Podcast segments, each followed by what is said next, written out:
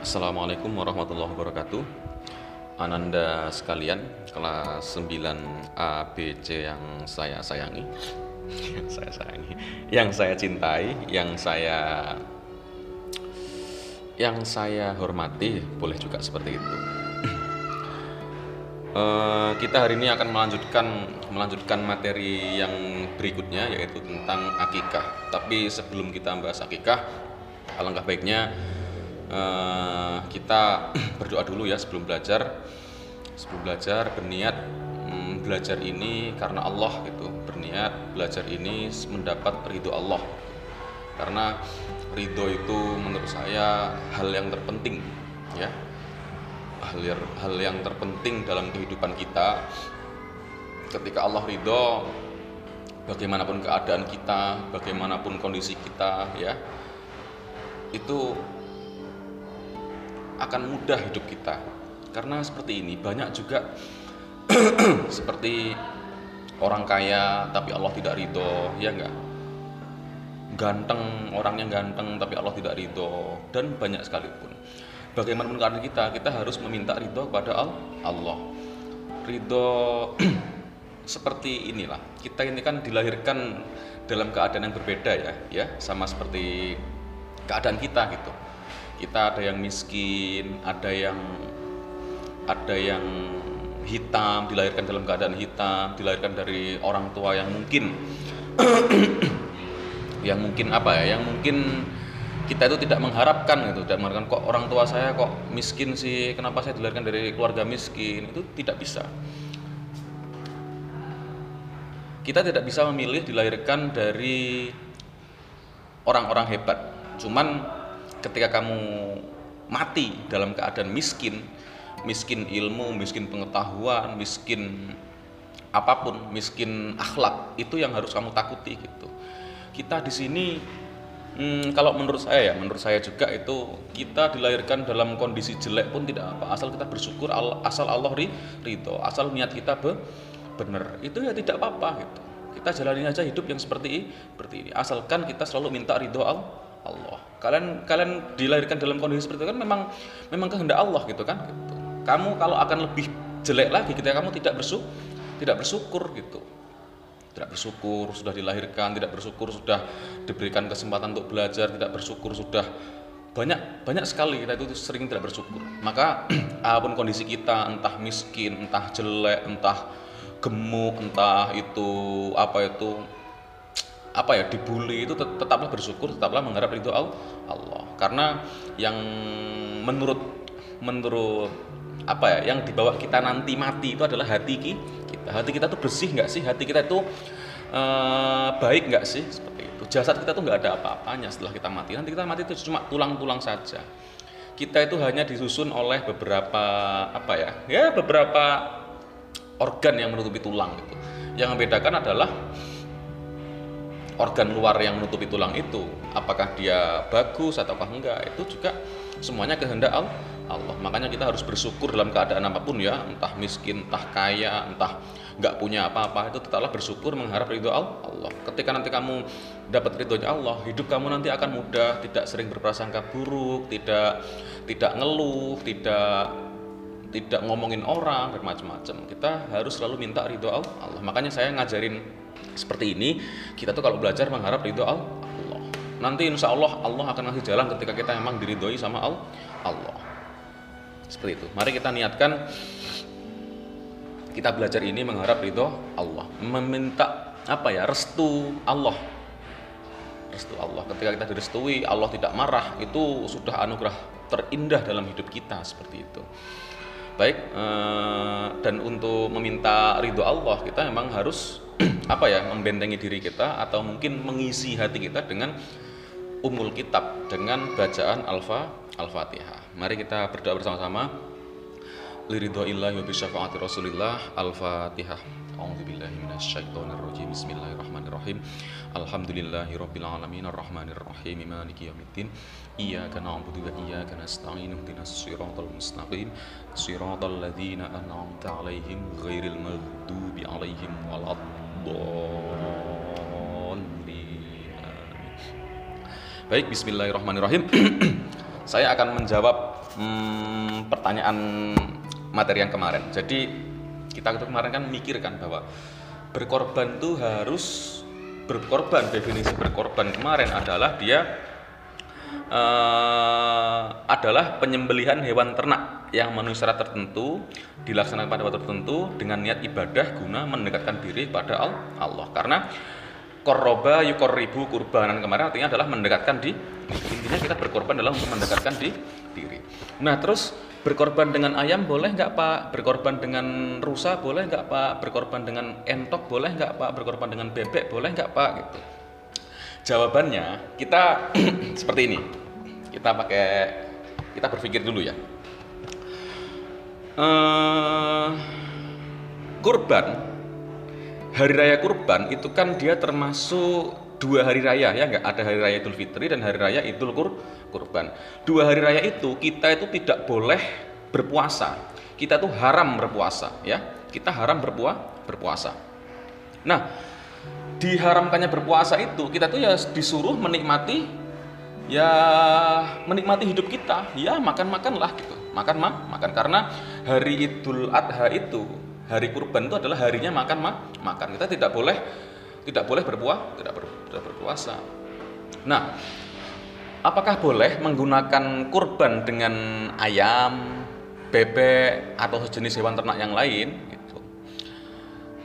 Uh, definisi kurban kalau dilihat dari sejarahnya ya enggak dari sejarahnya sejarahnya Nabi Ibrahim kita kembali ke sana ya kembali ke Nabi Ibrahim bahwa berkurban itu dia itu kan antinya mempersembahkan uh, apa yang sangat kita cintai gitu kan untuk mendekatkan diri kepada Allah. Lihatlah Nabi Ibrahim, dia rela mengorbankan putranya untuk dikorbankan gitu, ya enggak? Rela mengorbankan putranya untuk dikorbankan padahal putranya adalah orang yang paling sangat dia sayang, sayangi. Bayangin Nabi Ibrahim itu udah nggak punya anak tuh beberapa tahun gitu ya. Teruslah lahirlah anak Nabi Ismail itu. Nah, Nabi Ismail ketika lahir itu kan sangat dicintai gitu kan, sangat dicintai gitu lah terus kok tiba-tiba Allah mengasih ilham ke Nabi Ibrahim untuk mengorbankan putranya. Kamu sembelilah putramu gitu. Nyembelih loh ya, nyembel, nyembelih. Ini kalau kita sebagai orang biasa, wah ini sesat ini. Ini Tuhan sesat ini bilangnya gitu. Cuman tidak seperti itu karena dia derajat ke kenabiannya memang diakui dan Nabi Ismail juga adalah nabi. Maka Nabi Ismail bilang gini, ya, ya wahai ayah, ketika memang ini kehendak Tuhan kita, kehendak Allah, saya rela disembelih oleh jenengan seperti itu. Maka terjadilah peristiwa itu mengorbankan apa yang paling dia cintai, apa yang paling Nabi Ibrahim cintai yaitu Nabi Ismail. Tapi kita tidak tapi Nabi Ibrahim juga tidak dikasih bocoran nanti akan tak kasih kambing, tak ganti kambing, tidak seperti itu. Itu untuk menguji keimanan Nabi Ibrahim. Dia tuh mematuhi perintah saya nggak sih dengan menyembelih korban gitu. Dan ternyata Gusti Allah memang maha pemurah ya. Uh, the best director ever gitu. Jadi Allah tuh emang pembuat skenario terbaik, pembuat ya direktur terbaik lah dari muka bumi. Bahkan dari nabi pun diuji dengan seperti seperti itu. Mengorbankan, bayangin ngorbanin anak lo ya, orang yang paling dia sayangi gitu kan. Gitu. Jadi kembali kita kembali lagi gitu. Nah, karena hari kurban adalah hari hari raya Idul Kurban adalah hari untuk mendekatkan diri kepada Allah, maka maka akan sah-sah saja ya, akan sah-sah saja mungkin ketika nanti naudzubillah ya kita kita tinggal di lingkungan orang miskin semua ya nggak? Nggak ada yang berkorban nggak ada yang ini. Itu kita boleh loh berkorban untuk menghormati hari raya makan-makan tadi kita mengorbankan entok kita. Ya Allah saya menyembelih ini karena memperingati hari kurban karena saya nggak punya sapi saya nggak punya kambing yang untuk dibagikan ke masyarakat. Luas saya mengorbankan saya berkorban. Mungkin uh, ayam jago yang kita udah pelihara dua tahun nih itu kan udah besar gitu kan udah besar saya merupakan hewan yang saya cintai yang sangat saya cintai ini untuk dijadikan uh, sembelihan untuk mendekatkan diri kepada Allah ya sah sah saja gitu karena kita untuk memperingati makan mah makan-makan seperti itu. Tapi tapi nanti uh, kurban yang lazim itu itu adalah dia memang tidak memakai hewan yang kecil-kecil seperti itu gitu. Kita akan sangat diketawain orang kita kata mengorbankan apa itu mengorbankan ayam kita ditaruh masjid itu akan sangat diketawain orang gitu. Tapi ketika untuk mengorban korban untuk diri sendiri ya, untuk diri sendiri, untuk keluarga misalnya ya, menghormati hari raya Idul Kurban karena ini harinya makan-makan, maka saya menyembelih hewan yang saya sayangi untuk untuk ya untuk untuk menghormati hari raya Idul Kurban tadi. Ya dengan harapan ini juga nanti bisa jadi uh, bisa jadi juga kan hanya Allah yang tahu ya hanya Allah yang tahu. Bisa jadi juga nanti ayam ini yang kita sembelih biasanya itu juga sebagai kendaraan kita di akhir di akhirat gitu. Karena yang kita punya cuma ini cuma ini gitu. Nggak apa-apa kita korban ayam lah nggak apa-apa. Daripada kamu nunggu-nunggu ngasih dikasih orang korban terus menggerutu kok saya nggak dapet gitu.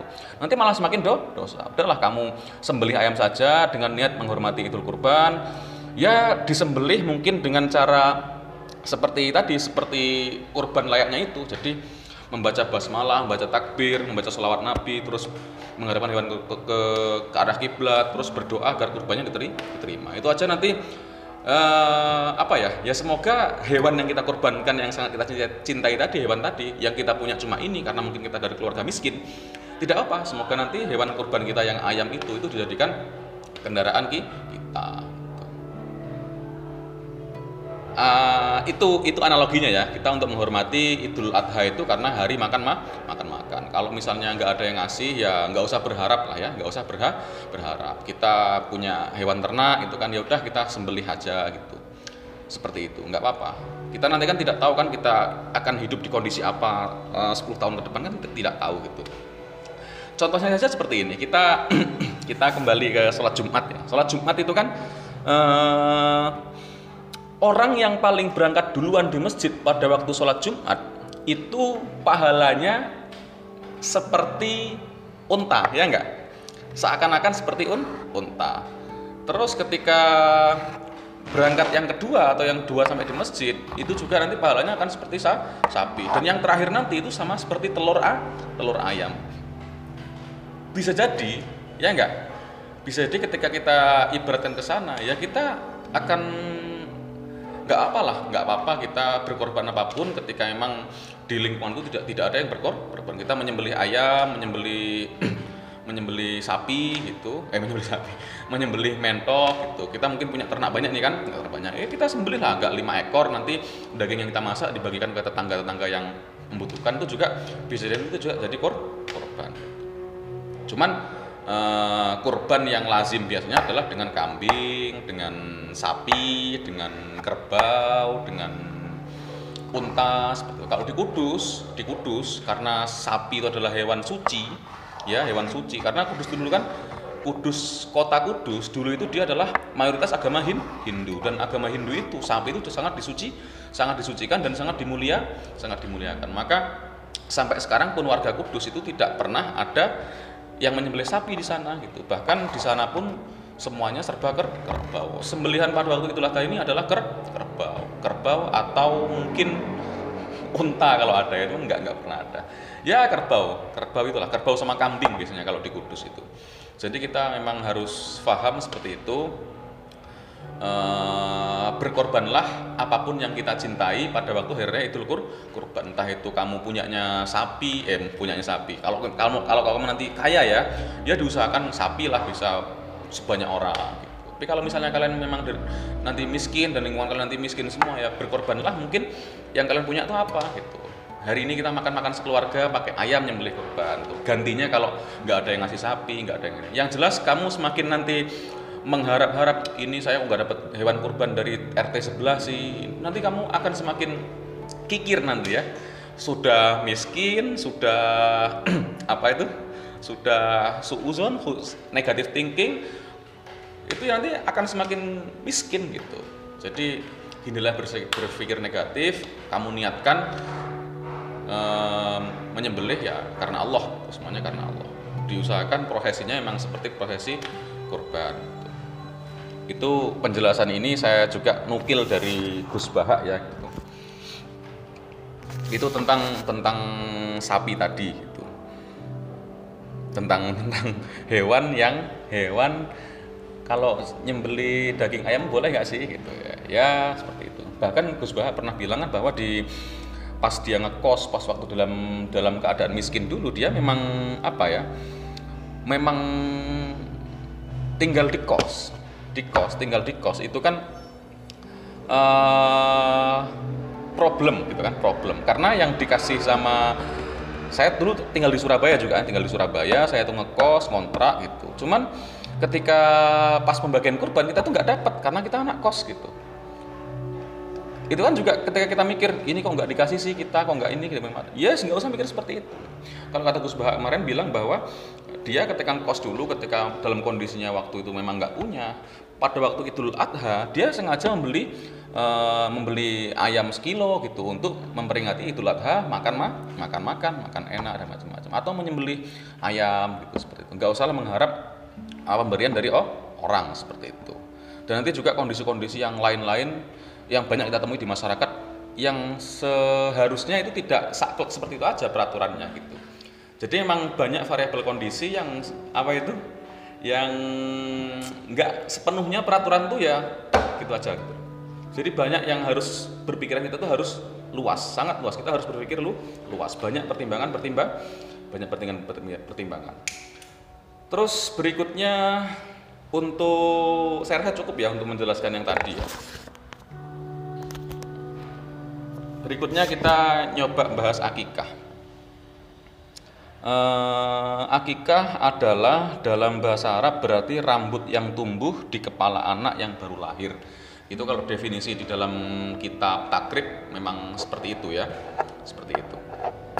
Oh ya, juga di dalam kaidah tadi ya, di dalam kaidah uh, di dalam kaidah yang kurban tadi ketika kita memang tidak apa ya kita tidak tidak berkorban kita tidak dapat daging kurban ya seharusnya kita tidak tidak meniadakan sama sekali gitu. Maksudnya seperti ini. Ada kaidah dalam usul fikih itu menyebutkan seperti ini. Mala yudroku kulluh la yudroku kulluh. Apa yang tidak bisa dikerjakan semuanya jangan ditinggalkan semua semuanya gitu. Apa yang tidak dikerjakan, apa yang tidak bisa dikerjakan semuanya jangan ditinggalkan semua semuanya. Misalnya kamu belajar online nih, ada tugas dari Pak Fata, dari Mem Neti, dari Mem Nia, dari Pak Wahyu, dari Pak Heri, dari Pak Andri, dari Pak ini semuanya gitu, ya. Kamu pusing kan sehari dapat tugas banyak ini. Cuman ketika kamu tidak bisa mengerjakan semuanya, jangan ditinggalkan semua semuanya. Kerjakanlah beruntun kerjakan pelan-pelan dulu, pelan-pelan.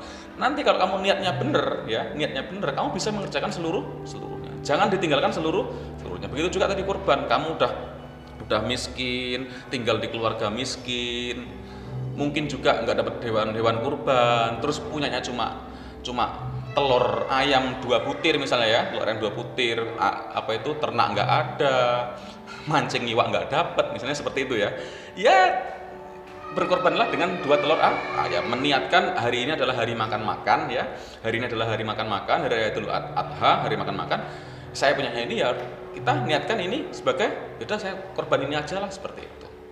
Bukan mas, itu bukan korban perasaan loh ya. Kamu jangan jangan jangan berharap seperti itu, jangan mikir seperti itu. Saya cuma cuma makan dua telur ayam hari ini. Itu jangan kamu anggap korban perasaan. Syukuri dua telur ayam itu. Itu. Itu. Itu itu pendapat. Jadi ketika kamu tidak bisa mengerjakan seluruhnya, jangan ditinggalkan seluruh seluruhnya. Itu berlaku untuk semuanya, semuanya nanti ya. Kalau kamu tidak bisa mengerjakan seluruhnya, jangan tinggalkan seluruh seluruhnya. Ini penting ya. Sangat penting. Saya baru sadar ini juga pas waktu kuliah kemarin gitu. Saya tuh pusing kan di landa tugas kuliah banyak banyak banget. Saking banyaknya itu dan kita tuh apa ya angan-angan males ngerjain tapi ya harus dikerjain gitu kerjain sedikit-sedikit gitu ya. Semoga nanti bisa cepat berlan bisa cepat berlanjut atau bisa selesai semua semuanya. Nah, akikah itu seperti tadi. Nah, menurut istilah Islam, akikah adalah menyembelih hewan ternak berkenaan dengan kelahiran anak sebagai bukti rasa syukur kita kepada Allah dengan syarat-syarat tertentu. Nah, akikah ini biasanya adalah kam, kambing gitu ya.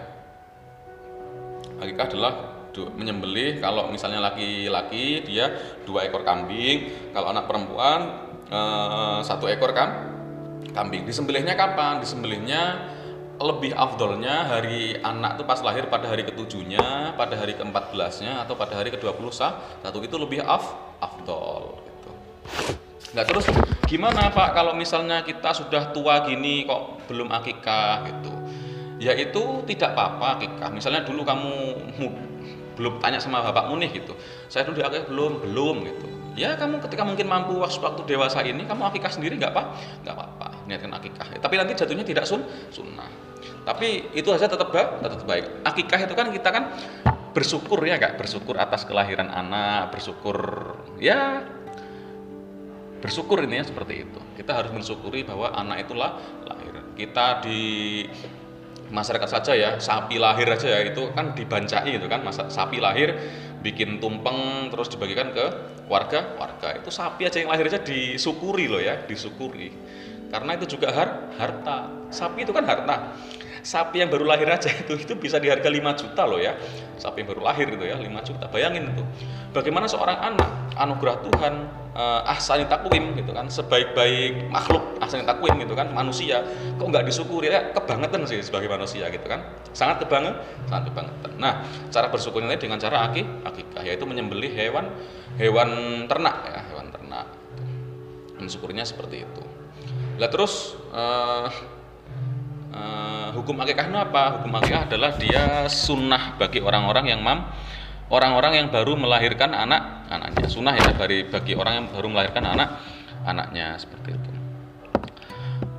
Terus berikutnya hal yang disunahkan dalam akikah adalah menyembelih hewan akikah, membaca salawat Nabi, membaca takbir, membaca doa, hewan akikah kalau lebih afdolnya yaitu disembelih oleh ayah dari anak yang diakikah akikah. Sekarang kan banyak kan lembaga-lembaga kayak lembaga sosial yang me menawarkan jasa penyembelihan akikah bahkan memasakkan akikah terus kita terima jadi ya nggak apa-apa gitu bahkan di pondok kita itu kan ada kan orang tuh tinggal ngirim kambing doang gitu kan ngirim kambing doang nanti nanti malam kita bikin acara akikah gitu yang masak dari pondok itu juga nggak apa nggak apa-apa yang jelas akikah itu kan kita kan bersyukur atas kelahiran anak dan dari kambing nanti yang matang itu kan nanti kan juga artinya soda sodakoh ke banyak oh, orang semakin banyak orang yang menerima sodakoh kita maka akan semakin bah akan semakin bagus gitu.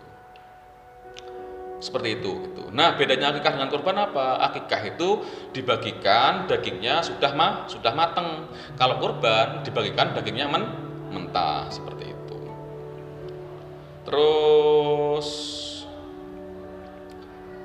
uh, di sini juga disunahkan sewaktu akikah yang yang terakhir adalah bersodakoh seberat timbangan rambut bayi dengan nilai harga emas atau pe ya, rambut bayi itu kan sangat sedikit ya kalau lagi lahir ya.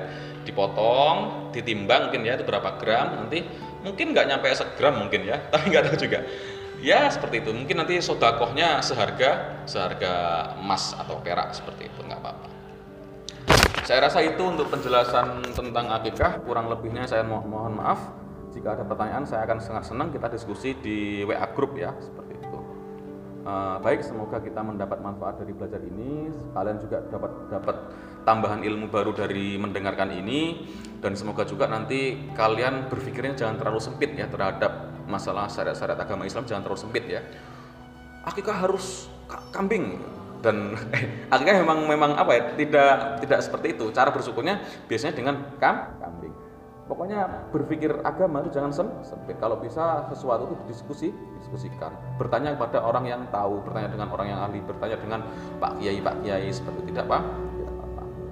Uh, demikianlah uh, anak-anakku sekalian kurang dan lebihnya mohon maaf. Semoga kita bisa mengambil manfaat dari pertemuan ini. Uh, kurang dan lebihnya saya mohon maaf. Wassalamualaikum warahmatullahi wabarakatuh